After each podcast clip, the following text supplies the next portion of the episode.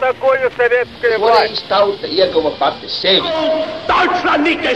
Liktenīgas nejaušības un slēptas likumsakarības, subjektīvas patiesības un objektīvi aizspriedumi. Pēc atkušņa nekad nenāk uzreiz pavasars, bet sākās Arī šodien cilvēki ir ļoti tuvredzīgi. Viņi redz to naudu, kas ir. Televīzijā jau pamatā notiek cīņa par varu. Pagātne no šodienas skatu punkta un šodienas caur pagātnes prizmu. Raidījumā šīs dienas acīm. Katru svētdienu Latvijas radio eterā Eduards Liniņš. Labdien, cienījamie klausītāji! 1919. gada 16. aprīlis ir brīdis, kad Latvijā bez to brīdi divām jau pastāvošām valdībām, proti Stučkas valdības Rīgā un Kārļa Ulmaņa pagaidu valdības Liepājā, parādās vēl trešā valdība, kura top Ulmaņa valdībai naidīga puča rezultātā. Par to mūsu šodienas saruna un mani sarunbiedri studijā vēsturnieki Gins Apals. Labdien! Labdien! Un Jānis Šiliņš. Sveicināti! Droši vien jāsāk ar to, kad un kurās aprindās un ar kādiem motīviem tapa ideja, ka šī valdība ir jāatstumj no varas un ka tas ir jādara tieši šādā veidā. Pēc apvērsuma jau Ulmaņa aprīns bija pārliecināts, ka apvērsums tika plānots jau krietni laika iepriekš. Viņi norādīja šo strīka incidentu, kur viens no vācu baltu ietekmīgākiem mužniekiem pārveda māju uz liepāju no Zviedrijas dokumentus, kurus konfiscēja savukārt Zviedru virsniekam, kurā bijuši šie apvērsuma plāni. Pats Golds vēlāk atmiņās rakstīja, ka pie viņa mārta sākumā ieradušies karstasinīgi Landesvēra karavīri, arī Vācu baltieši, kuri teikuši, ka vispār Jālgavas atbrīvošana, kur nu vēl Rīgas atbrīvošana nav pieļaujama apstākļos, kad valdība patiesībā ir pret viņiem drīzāk noskaņota, ka viņi atbrīvos šīs Latvijas daļas un pēc tam paliks ar, ar tukšām rokām. Pats Golds, protams, tur ir interesanti, kā viņš definēja savus mērķus šeit Baltijā, un tur viņš arī arī savās atmiņās uzskaita šos četrus vai piecus savus ienaidniekus, ar kuriem viņš pēc kārtas tiek galā. Tātad pirmais ienaidnieks ir lielnieks, kurš sakoja martā, pēc tam zaldātu padomu, kur padzana 3. aprīlī, pēc tam nāk Kārļa Ulmaņa valdība, kur gāž 16. aprīlī, pēc tam rindā stāv Antantas valsts, pret kurām viņš karo cēsu kaujās, un gal galā arī vācu sociāldemokrātu valdība, kas arī viņam liekas viens no ienaidniekiem. Un Latvijas izlūkdienesta vadītājs Leitnants Sergejs Staprāns savās atmiņās raksta, ka viņam bijusi jau informācija martā par to, ka kaut kas tiek gatavots, un 10. aprīlī viņš jau varēja ziņot apsardzības ministram Jānim Zālītim konkrētus plānus, kad ieradīsies šī Landesvēra trieciena nodaļa un kā tas viss notiks. Tā kā mēs varam teikt, ka jau martā acīm redzot bija šīs idejas gan Landesvēra vidū, gan arī pašam Golcam, redzot, ka kaujas pret lielniekiem norit ļoti sekmīgi, tā tad jāplāno tālākā rīcība. Un tā konkrētā gatavošanās, acīm redzot, sākās marta beigās, aprīļa sākumā. Pie tā varētu piebilst, ka droši vien tiešām šeit ir jāstāsta vairāku mēnešu ilga attīstība, kas ved pie 16. aprīļa notikumiem. Un arī citi vēsturnieki ir minējuši, ka valsts dibināšanas brīdī latviešu un vācu baltiešu attiecības, kā arī Latvijas un Vācijas attiecības bija diezgan labas. Taču viņas lielā mērā pasliktinājās tieši 19. gada februārī, marta sākumā. Tu izsauc reālā situācija Liepājā. Teritorija ļoti maz aizvērtas, Tur atrodas arī diezgan maza daļa no Latvijas iedzīvotāju skaita. Latvijas pagaidu valdības nomināli kontrolētajā teritorijā atrodas varbūt labākā gadījumā 150 tūkstoši cilvēku. 10% no visiem Latvijas iedzīvotājiem tajā brīdī. Pagaidu valdība strādā nelielā sastāvā, janvāra vidū. Liela daļa pagaidu valdības locekļu aizbrauc uz ārzemēm meklēt palīdzību, neskaitot tos, kuriem iepriekš devušies ārzemēs pēc Rīgas krišanas. Liepājā paliek trīs cilvēki. Tas arī jautājums, vai tā valdība funkcionē kā ministrs kabinets, jo trīs cilvēkiem īstenībā nav kvoruma, un viņu lēmumus īsti par tādiem kolektīviem valdības lēmumiem, ministra prezidenta prombūnas situācijā un citu ministru klāt nēsamības situācijā uzstīt nevarētu. Bet šajā brīdī šie cilvēki cenšas risināt jautājumu par valdības zemo popularitāti tautā. Un tiešām ir labi zināms Golce vērtējums, ierodoties Liepājā 1. februārī 19. gadā, ka 60% kurzemes iedzīvotāji atbalsta komunistus, nav pārspīlēts. Šajā situācijā valdības locekļi sāk spērt soļus, lai vairotu valdības popularitāti. Galvenais jautājums šeit ir zemes jautājums. Par to, ka Latvijas pagaidu valdība ir solījusi tikai to, ka zemes jautājumu agrā reforma risinās satversmes sapulces kaut kad nākotnē. Ar to cilvēkiem ir par maz, un viņi vēlās kaut ko vairāk. Droši vien, ka liels lūzuma punkts ir tas, ka zemkopības ministrs Jānis Goldmans, kurš atgriežas Liepājā no ārzemēm februāra vidū, uzraksta dokumentu par bezzemnieku apgādāšanu ar zemi. Tas tiek pieņemts pagaidu valdībā Liepājā 27. februārī. Un šeit jau parādās ļoti skaidrs mājiņas tautai, ka pagaidām nav runas par privāto mūžu konfiskāciju, bet ir skaidrs mājiņas par to, ka valsts zeme tiks sadalīta bezzemniekiem. Protams, ka Vācu baltieši, kas lielā mērā šo militāro spēku, landesvēru spēku vada mūžniecības pārstāvi, to uztver kā draudu. Klātnāk arī pagaidu valdības proklamācijas tautai, kas arī ir publicēts 19. gada februārī, un tur jau tie teksti ir ļoti divdomīgi. Šīs proklamācijas, kuras tiek izplatītas visā teritorijā, lielā mērā dod mājienus to, ka Latvijas valsts ienaidnieki vienādā mērā ir gan lielnieki, gan mužniecība. Un skaidri un gaiši tiek solīts, ka ir jākaro par Latvijas pagaidu valdību, tad mēs tiksim visi pie savas zemes. Šajā situācijā, protams, problēmas turpina augt. Un otrs faktors blakus pie tā paša ir jautājums par valsts baltiešu vispār pārstāvību Latvijas tautas padomē un pagaidu valdībā, kura praktiski neeksistē. Tāpēc, ka pagaidu valdībā ir viens nomināli vācu baltu pārstāvis, valsts kontrolieris Barons Rozenbergs, kurš ļoti minimāli piedalās valdības darbā. Vācu baltiešu tautības ministru vietnieki visi ir atlaisti ar 9. janvāra rīkojumu Liepājā. Tātad faktiski tā ir tīra etniska latviešu pilsonisko politiķu grupa kas uzstājās kā Latvijas valdība. Vācu baltiešu spektrs ir plašs. Ir tātad Vācu baltiešu progresīvā partija, kas atbalsta pagaidu valdību tautas padomu. Daudz reprezentatīvāka organizācija ir Vācu baltiešu nacionālā komiteja, kur tiešām pārstāv lielāko daļu Vācu baltiešu, gan politiskās partijas, gan dažādas sabiedriskās organizācijas. Un viņu mērķi un prasības netiek ņemti vērā, veidojot Latvijas valdības agrāru politiku, izskot solījumus tautai. Vēl martā šī Nacionālā komiteja pirmkārt meklē iespēju iekļauties tautas padomē, kas viņai ar formālu iegāns tiek atteikts, un otrkārt viņi iesniedz memorandu. Vācu baltiešu vēlmes 14 punktus pagaidu valdībai, kas arī nekādā mērā martā netiek ņemts vērā. Un, protams, tas viss rada iespaidu, ka Latvijas pagaidu valdība vērsīsies pret Vācu Baltiešu kopienu kā tādu un sevišķi pret mūžniecību atsevišķi. Līdz ar to pašu radās objektīvi iemesli, kāpēc arī vienai daļai Landesvēra veidojās vēlme vērsties pret šo valdību un nomainīt viņu ar kaut ko citu, ar plašāku bāzi, kas ņemtu vērā viņa intereses, ņemt vērā viņa militāro spēku, un paradoxālā kārtā līdzīgi domā arī ļoti daudz citu Antānas valsts pārstāvju Liepājā, ka pagaidu valdības bāze ir jāpaplašina, uzņemot viņā minoritāšu un konkrēti vācu baltiešu pārstāvis. Es vēlētos tomēr uzsvērt, ka vismaz manuprāt, šī Vācu baltiešu līnija 16. aprīļa pučā nebija noteicošā, nebija galvenā. Nevelti Nacionālā komiteja nosodīja šo apvērsumu, un viņi arī atteicās formēt valdību, tāpēc arī bija tik liels grūtības saformēt šo kabinetu.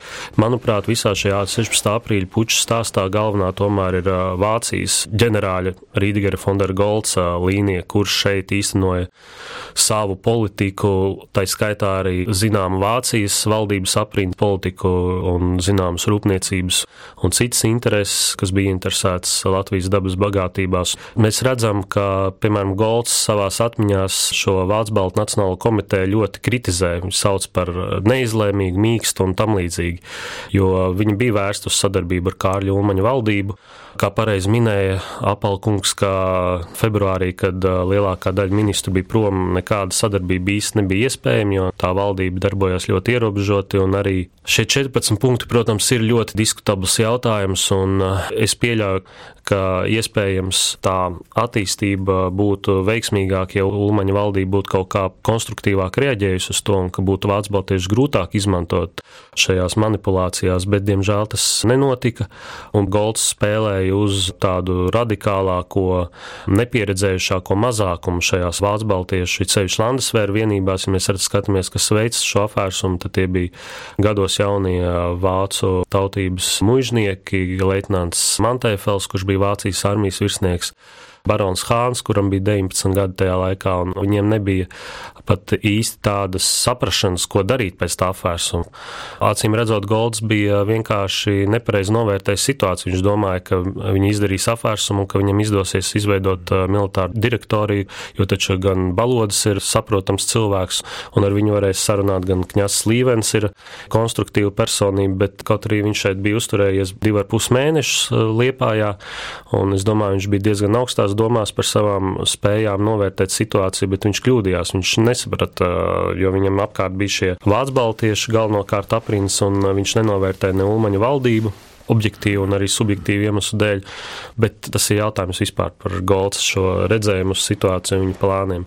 Vācu baltiešiem tā bija liela traģēdija patiesībā. Tas viss, kas notika jau sākot ar 14. gadu un varbūt pat nedaudz agrāk, jau no 5. gada, bet it sevišķi Pirmā pasaules kara laikā, kad viņi zaudēja gan savus īpašumus, ietekmi un lielnieku uzvaras gadījumā viņi pat riskēja ar savu fizisku pastāvēšanu, jo lielnieki principā īstenoja genocīdu politiku. Tas nozīmē, nu viņi atradās neapskaužamā situācijā. Protams, viņiem bija jāķerās pie jebkura salmiņa, un es eh, pilnīgi saprotu arī šīs atsevišķas aprindas, kas redzot, ka mums saskana intereses ar Golds, vismaz īstermiņā mēs iesim ar viņu kopā un taisīsim apvērsumu, un tad redzēsim, kas notiek. Bet nekas prātīgs no tā, protams, nesanāca.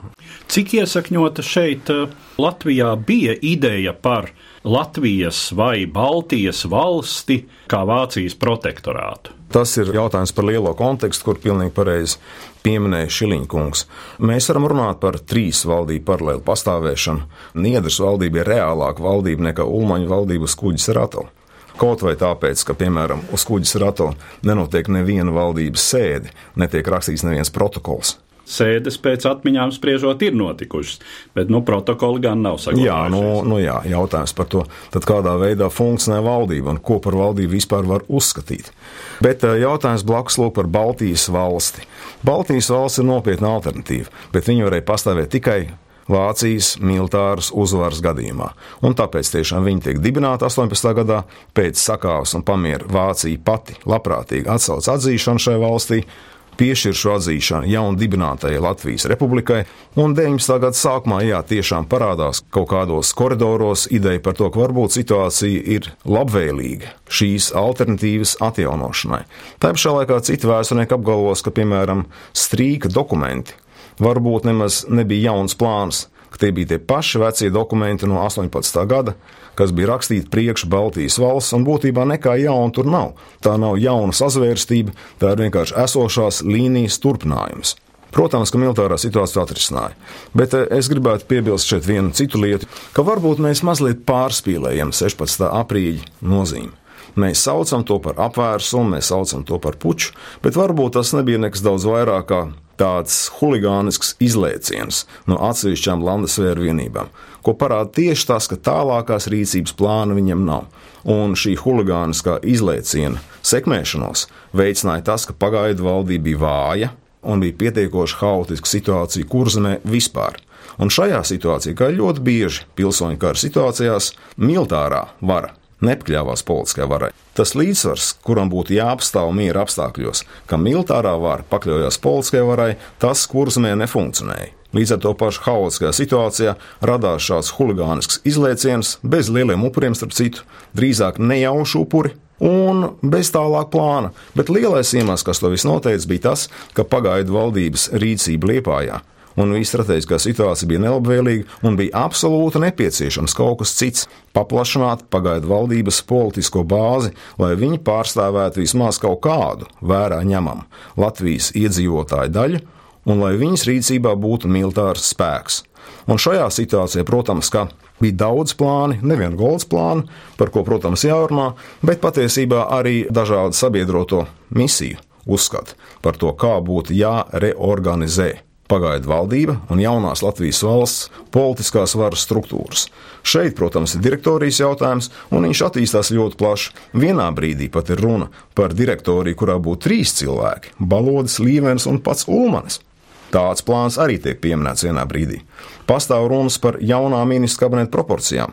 Tur ir ļoti daudz priekšlikumu. Viens priekšlikums būtu no Niedras puses, ka trīs daļās viss būtu jādala. Trešā daļa nāk no vecās Ulmaņa pagaidu valdības, trešā daļa nāk no Niedras, latviešu konservatīviem aprindām, kurām ir mazs atbalsts tautā. un trešā daļa nāk no minoritātēm - trīs vācu baltieši, piemēram, un viens ebrejs. Pretī ir Lūk, Amerikas pārstāvi Vorvika Grīna, personiski uzskata, par to, ka būtu jātaisa kabinets no 12 cilvēkiem, kur būtu 7 vai 8 no Ulmaņa kabineta un 4 vai 5 cilvēki no minoritātēm un no niedz grupas. Tā ka šie jautājumi visi ir uz galda, bet situācija ir nobriedusi tam, lai tiktu paplašināta pagaidu valdības bāze, kas patiesībā arī notiek jūnijā. Jo tad, kad Ulmaņa valdība var atgriezties no kuģis Rātavu krastā, Liepājā, tajā brīdī tas notiek tikai pēc tam, kad valdība jau ir devusi solījumu sabiedrotiem un viņu pārstāvjiem, ka viņa tiks reorganizēta. Viņa nokāps krastā, viņa atkāpsies un tiks veidots jauns kabinets ar plašāku minoritāšu pārstāvniecību. Šādā nozīmē 16. aprīļa incidents. Viņš jau to rezultātu nes šā vai tā. Tā ir tikai procesa izpausme, un uz procesu būtu jāstāsta kopumā. Jā, tikai piebildu, ka tas maksā dažus simtus cilvēku dzīvību cēskaujās, bet es vairākas lietas varētu, protams, iebilst gan to, ka es nepiekrītu tam, ka šo karu vērtē kā pilsoņu karu, un tad, ja tas ir pilsoņu karš, tad kas tas tāds par incidentu? Ja šis ir karš, tad jau kādas tur sarunas par jaunas valdības veidošanu starp šīm diametrāli pretēju uzskatu grupām. Otrs, tas, kā lūk, šī Ulmaņa valdība bija pilnīgi bez ietekmes salīdzinājumā ar Niedras valdību, man gan šķiet nedaudz citādāk, jo Niedras valdības iespējas kontrolēt uh, situāciju Kurzemē un Zemgalē un pēc tam Rīgā bija daudz mazāks nekā Ulmaņa valdībai, jo gan tas pats pulkvedis Balodis konsekventi izteica lojalitāti tieši Ulmaņa kabinetam.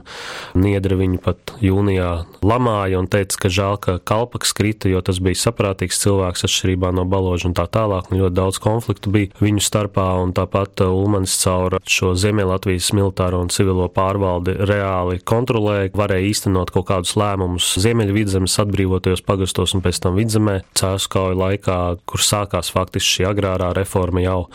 Niedra pats atzina, ka viņam tā ietekme bija tik maza, ka viņš pat nevarēja sarunāt transportu legāli uz Rīgu, lai pārbrauktu no Liepājas uz atbrīvoto Rīgu. Viņam bija uz mutes jāsēž kaut kādā pa ceļam nostupētā vācu karavīru mašīnā, un neviens viņu neņēma galvā. Viņš ļoti labi saprata, ka viņam tā iespēja reāli vadīt procesus pat patiesībā ir ļoti niecīga. Un šajā ziņā Ulmans, kurš sēdēja uz kuģa ar ātolu, bet viņam bija kontakti gan ar šīm sabiedroto valstu misijām, kas tajā laikā, protams, bija ļoti svarīgi, gan arī tātad ietekmi no šo ziemeļa vidzemi un arī baložu vienības un aizmugures komendantūras un atsevišķi ierēģi, kas kaut ko mēģināja darīt, viņam pakļāvās. Tālāk par to, vai tas bija incidents vai apvērsums, nu, manuprāt, tomēr tas bija apvērsums, nevis sīks incidents, kurš tika plānots, bet, ja mēs skatāmies uz to, kas notika pēc tam, kāpēc nebija nekāda plāna, es teiktu, ka pirmkārt Golds bija nedaudz nepareizi izvērtējis situāciju Latvijā, ka viņam neizdevās ļoti ātri izveidot šo sev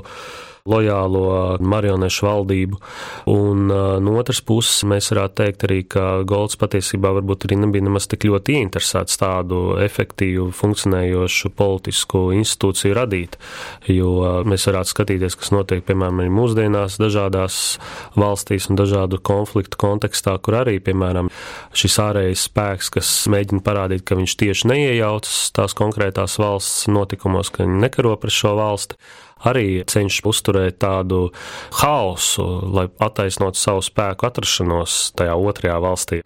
Un līdzīgi arī Goldsam, viņam galvenais bija pamatot Vācijas spēku atrašanos Latvijā, un ja šeit ir haoss, kur ir dažādi karojošās puses, un viņiem jācīnās pret lielniekiem, un lai uzturētu kārtību šeit un, un turpinātu šo cīņu pret bolševismu, tad tas pamato, kāpēc Vācijas armijai šeit ir jāatrodas. Un jo vairāk konfliktu starp vācu baltiešiem un latviešiem, principā Goldsam labāk labāk.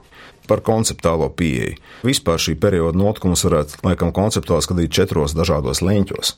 Viens leņķis lūk ir neatkarības karš, valsts karš par savu neatkarību, otrs leņķis ir pilsoņu karš, kur ļoti dažādas sabiedriskās grupas konfliktē savā starpā, veido mainīgas koalīcijas, arī militārās koalīcijas viena pret otru. Trešais koncepts, kas bieži pieminēts, ir militārā intervence, ka Latvijas teritorijā šī gada laikā darbojas vismaz 14 dažādi bruņoti formējumi. Un pēdējais koncepts, kas ir populārs arī pasaules literatūrā, tāds, ka vispār Pirmais pasaules karš nav tobrīd vēl beidzies. Visi šie konflikti, kas notiek Austrumēropas reģionā 19. gadā, 20. vēl 21. gadā ir Pirmā pasaules kara turpinājuma process. Pirmais pasaules karš nav noslēdzies, nav radīta jauna, stabila valsts sistēma, kuru mēs pazīstam vēlāk ar nosaukumu Versaļas sistēma. Bet arī šādā veidā to varētu skatīties. Par Niedras valdību droši vien vajadzētu piebilst to, ka tomēr jāstāsta, kas tad Niedras valdībai pakļaujas un kas ne. Tas, kas nepļaujas konsekventi Niedras valdībai, ir divi spēki. Tā ir Igaunijas armijas sastāvā karojošā Ziemeļlatvijas brigāde, vēlāk armija, kas pakļaujas Igaunijas militāriem komandieriem pilnībā, kuri arī nosaka situāciju Ziemeļvidzemē. Ziemeļvidzemē situācija vairāk nosaka Igaunijas valdības politika nekā Kārļa Ulmaņa pagaidu valdības ierobežotā komunikācija no kuģis rato liepājas reidā. Otrs, kas nepakļaujas Nīderlandes valdībai, ir Latvijas delegācija Parīzes miera konferencē. Vispārējie lielā mērā pakļaujas Latvijas civildienas, pakļaujas, un vienalga, cik vājš viņš tobrīd nebūtu, viņš turpina darbu, pakļaujas Niedras valdības rīkojumiem. Vēl viena lieta ir baloža. Brigādes jautājums, Dienvidu Latvijas brigādes jautājums, un šeit mēs redzam to, ka vispār primāri balodas pakļaujas saviem militāriem komandieriem. Majoram Flečeram un Fonderam Golcam, un tikai pēc tam ir jautājums, vai un cik viņš pakļaujas kaut kādiem politiskiem vadītājiem. Viņš tiešām atzīst, ka viņš ir karavīrs. Pirmkārt, viņš pildīs karavīra pienākumu, karos pret komunistiem, un lielā mērā tas nosaka arī Baložas brigādes neutralitāti. Ļoti traģisko cēlus kauju laikā, taču tieši cēlus kaujas pēdējais, ko es piebildīšu, ir tas jautājums, kā intervences aspekts. 19. gada situācijā arī vasarā Latvijā ir ļoti svarīgs. Vai Igauni atrodas pēc Latvijas valdības lūguma pie Rīgas? Īsti nē mēs varam lasīt līgumu ar Igauniju, noslēgtu 18. februārī Tallinā. Un tur skaidri un gaiši pateica, ko viņi var un ko viņi nevar. Nevienam nekad nav prātā nācis, ka Igauni varētu ieņemt Valmieru, cēsis stoties Rīgai un reāli prasīt savas tiesības ienākt Rīgā, kuras viņam liedz vienīgi sabiedrotu militārie pārstāvi un strāzmojuši pamiers. Citādi Igauni būtu bijuši Rīgā. Igauni tajā laikā ir arī Pleskavā, un te jau aiziet līdz Petrogradai. Tās ir korekcijas, kuras diplomātiskiem līgumiem ievieš militārā situācija par to civilu dienestu, ja mēs skatāmies arī vispār Niedras valdības darbību, tā ir ļoti ierobežota. Piemēram, ja mēs skatāmies, ko zemkopības ministrs dara vai ko kara ministrs, tie reālie lēmumi, ko viņi var īstenot un ko viņi var ietekmēt, ir ļoti, ļoti ierobežoti. Pie tam zemākajā šajā līmenī arī pagastu valdes un tā tālāk. Niedra arī atmiņās piemin to, ka patiesībā šis zemākais līmenis arī viņam principā nepakļāvās. Par intervenciju, protams, es piekrītu, it sevišķi tajā ziņā, ka šis karš jau sākās vispār kā ārējais spēku iebrukums. Es nezinu, vai Igaunijas varētu pielīdzināt tai pašai sarkanajai armijai, Krievijas vai Vācijas šiem spēkiem, jo Igauni jā, aizgāja līdz Rīgai, bet tikpat ātri viņi arī aizgāja atpakaļ un šeit nepalika. Runājot par 16. aprīli, tur ir tas jautājums interesantais, vai Ulmaņa valdība rīkojās pareizi, tā kā viņi rīkojās tieši pēc apvērsuma, jo Liepājas apkārtnē bija latviešu aizmugures spēki, kurus komandēja pulkvedis Jānis Apins, un viņam bija šis plāns par Liepājas atkarošanu ar bruņotu spēku.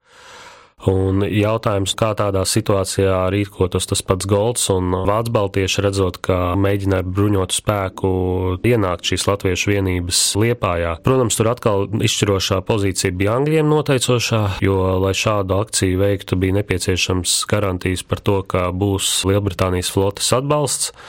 Un no otras puses arī šis politiskais, diplomātiskais jautājums arī, jo Ulmaņa valdība tomēr Angļi pārliecināja, ka viņi spēs atjaunot viņa valdību valdības darbība ar diplomātiskiem politiskiem līdzekļiem bija acīm redzams, ka pučistiem neizdodas izveidot funkcionējošu valdību, un likās, ka tas ir ļoti īss laika jautājums, kad Ulmaņa valdība atkal varēs atsākt normālu darbību Liepājā. Un līdz ar to apinim tika dots rīkojums uz Liepāju nedoties ar savām vienībām, tāpat Balodim tika pateikts, ka viņa pozīcija ir pareiza un ka to akceptē Ulmans, un tāpēc Balodis arī militāri neiejaucās. Un gal galā šīs aizmugures vienības tika atbruņotas, bet jau nedēļu vēlāk, kad jau bija Barkovska kabinets izveidots un bija legāls pamats Golcam ieviest tā teikt kārtību. Un ir jautājums, ja būtu Dūmans devis akceptu apiņu, piemēram, akcijai, kur atbalstīja apsardzības ministrs Jānis Zalīts doties uz Liepāju, Golds bija nosodījis šo afērsumu, jo viņš teica, ka viņš neiejaucas Latvijas iekšējās lietās. Valdība vēl nebija izveidot šis Barkovska kabinets, kurš varētu dot formālu rīkojumu, tātad apstādināt šo karaspēku. Un jautājums varbūt, ka Ulmaņa valdība būtu jau dažas dienas vēlāk atjaunojusi savu darbību, un tad iespējams arī cērskauja nebūtu. Bet no nu, tās tādas Jā. spekulācijas. Pilnībā piekritīšu, bet tomēr Ulmaņa valdība ir pārāk vāja, lai pati atjaunotu savu darbību. Ja mēs skatāmies uz šo sabiedroto misiju pozīciju, Lielbritānijas misija ir vienīgā, kur daudz maz konsekventi atbalsta Ulmaņa valdību - ASV un Francijas pārstāvi. Lielā mērā strādā gan ar Ulmani, gan ar Niedru. Pat vairāk ar Niedru nekā ar Ulmani. Un šī situācija nav viennozīmīga. Tas veido šo ārkārtīgi haotisko vidi. Mēs nevaram pieņemt, ka Antons pozīcija būtu vienota, un tas pats skar arī Niedras valdības darbību ārlietās. Niedras valdībai ir gan ārlietu ministrs Hainis van Primers, gan ierēģi, kur nodarbojās ar ārlietām konkrēti Grāvs Borgs un viņi uztur šos sakarus, viņi risina dialogu arī ar Poliju, ar citu. Tā ka tā rudimentāri mēs nevarētu teikt, ka Ulmaņa valdība, kur vēl pat nav izveidojusi ārlietu ministriju, ka viņi būtu daudz vairāk sasniegusi ārlietās nekā Niedras valdība šajā reāli pusotrā mēnesī. Tie jautājumi būtu jāpēta. Tāpat kā būtu jāpēta jautājums par Igaunijas politiku Latvijā, analizēt Igaunijas strateģiskos mērķus un Igaunijas iekšējās diskusijas, mēs varētu atklāt daudz ko jaunu, tajā skaitā par 21. jūlija līgumu ar Igaunijas armiju, tajā skaitā Latvijas valdības iekšējā komunikācija. Jūlijā, augustā par to, ka ir iespējams arī, ka pagaidu valdība nonāks militāra konflikta situācijā ar Igauniju. Bet es gribētu atgriezties pie sākotnējā Liniņa kunga jautājuma, kas tad būtībā veido pamatu šajā konfliktā? Vācu baltiešu latviešu konflikts, un tas jautājums par agrā reformu un vispār par sabiedrības uzbūvi. Jo varētu tomēr teikt tā, ka Kāra Julmaņa pagaidu valdība un tautas padome pārstāv radikālu sociālo ekonomisko politiku. Viņa ir vērsta uz radikālu agrāru reformu un zemes konfiskāciju mužniecībai. Pretī ir niedras grupa, šaura, bet konservatīva, kur domā, ka situācija ir jāattīstās evolūcijas ceļā. Niedra būtībā kā personība nav nemaz tik provācisks. Vienkārši viņš vēlās to darīt evolūcijas ceļā, nevis ar radikāliem soļiem, un viņš vēlās saglabāt šo pirmskara Baltijas sabiedrību un pārveidot viņu pakāpeniski. Tas arī izvirza jautājumu par politisko reformu, ka ir radikāla reforma, tūlīt visiem dot vienlīdzīgas vēlēšana tiesības, ieskaitot sievietes, viens cilvēks, viena balss, kas ir radikāls risinājums, un viņa pieejams, ka tomēr vajag organizēt šīs vēlēšanas kūrijās lai visas sociālās grupas būtu pārstāvētas, kur būtu viena trešdaļa pilsētnieku, viena trešdaļa laucinieku, viena trešdaļa minoritāšu, divas trešdaļas latviešu. Tā ir tā pati gan arī schēma, kas darbojās Krievijā valsts domas vēlēšanās un kas nestrādāja, kas bija principā jāatmet. Protams, Latvijā un Igaunijā tā nebija galīgi pieņemama vairākumam, un uh, Niedram bija tādi saudabīgi uzskati, bet, uh, manuprāt, tie nebija neatbildi tā laika reālai situācijai. Un, ja mēs pa vācu baltiešiem runājam, vācu baltieši bija skaitliski maza kopiena, smagāk cietusi Pirmā pasaules karā no visām Latvijas sabiedrības daļām bet arī Vācu baltiešu kopiena bija sašķelta, tāpēc ka mužnieku skaits bija niecīgs. Pat Vācu baltiešu kopienas ietvaros te bija daži simti ģimeņu. Un jautājums, kas ir svarīgāks, šīs intereses, Vācu baltiešu kopienas kā tādas intereses vai šo dažu simtu ģimeņu intereses. Un tad bija arī šie konflikti par to, ka nu, negribam karot par baronu interesēm. Starp citu, Niedas valdībai bija tās pašas problēmas jārisina. Viņi redzēja jūnijā, ka viņi ir nepopulāri un ka tikai zemes dalīšana var dot viņiem popularitāti. Viņi panāca vienošanos ar mužniekiem. Mužniekiem bija daudz liekas zemes. Par to liecina tas, ka viņi bija gatavi dot eh, trešdaļu savas zemes tiem eh, Vācijas karavīriem, kur karos pret bolševikiem. Pēc tam viņi to vienu trešdaļu apsolīja Latvijas bezzemniekiem, protams, pret uh, samaksu. Protams, ka šis apvērsums, sekojušās cēskaujas, tas izslēdz jebkādu iespēju tādā mērenākā veidā atrisināt šo jautājumu. Vienīgā iespēja bija līdzīga kā Igauniem rīkoties, jo citādi latviešu sabiedrība nesaprast, kāpēc Igaunijā ir tāda reforma, un mēs, kas esam lējuši daudz vairāk pat asinis cīnoties pret šiem baroniem, ka mums tagad viņiem tur jāmaksā kaut kādas atlīdzības, tā būtu politiska pašnāvība. Un tā Vācu baltiešu nelaime bija tāda, ka viņi nenovērtēja reāli to situāciju. Ja viņi būtu, es domāju, piedāvājuši Šulmaņa valdībai nevis ka saglabāt privātu īpašumu uz mūža zemi, tā kā viņi ir, bet ka mēs jums garantējam trešdaļu, ka mēs atdosim, tāpat kā viņi teica Niedras valdībai, pēc tam saprotot, ka tūlīt būs katastrofa, tad iespējams nekā no šī viss nebūtu, un viņi būtu saglabājuši arī daļu savu īpašumu. Tā bija tā nelaime, ka šie ārējie spēki Vācija no vienas puses un padomju Krievija manipulēja ar šo Latvijas sabiedrību. Protams, tur bija savstarpējās pretrunas, un viņas tika no novestas līdz nevajadzīgiem sācinājumiem un konfrontācijai, kas prasīja cilvēku dzīvības, un kad cilvēki iet bojā, tur jau pavisam cits stāsts un kā to atrisināt. Tā ir pilnīgi cita politika. Protams, ir jautājums ne tikai par šo 19. gadu, bet tas, ko mēs šajā pārraidē nevarēsim paskatīties, tomēr kādas ir šī radikālisma ilgtermiņa seks gadu desmit garumā gan ekonomiskās sekas attiecībā vispār Latvijas lauksaimniecību un ekonomiku, gan arī viss notikumi pirms otrā pasaules kara ka par to radikālismu un īstermiņa iegūmiem bija ilgākā laika posmā jāsamaksā plašākā nozīmē. Jā, ļoti dārgi. Un, un tā ir traģiska lieta, ja, ja runa par Latvijas vēsturi Otrajā pasaules karā un vispār kā aizgāja Latvijas valsts attīstība šīs agrā reformas un šī konflikta rezultātā. Noteikti mēs chronoloģiski tuvākiem notikumiem pēc aprīļa puča pievērsīsimies citos raidījumos, gan arī tālākajām Latvijas etnisko grupu attiecībām laikā līdz Otrajam pasaules karam, bet par šo raidījumu, kas bija veltīts 1919. gada aprīļa notikumiem, es saku paldies maniem sarunbiedriem, vēsturniekiem Gintam Apalam un Jānim Šiliņam. Paldies! Vislabāk! Katru svētdienu Latvijas radio viens par pagātni sarunājas Eduards Līniju.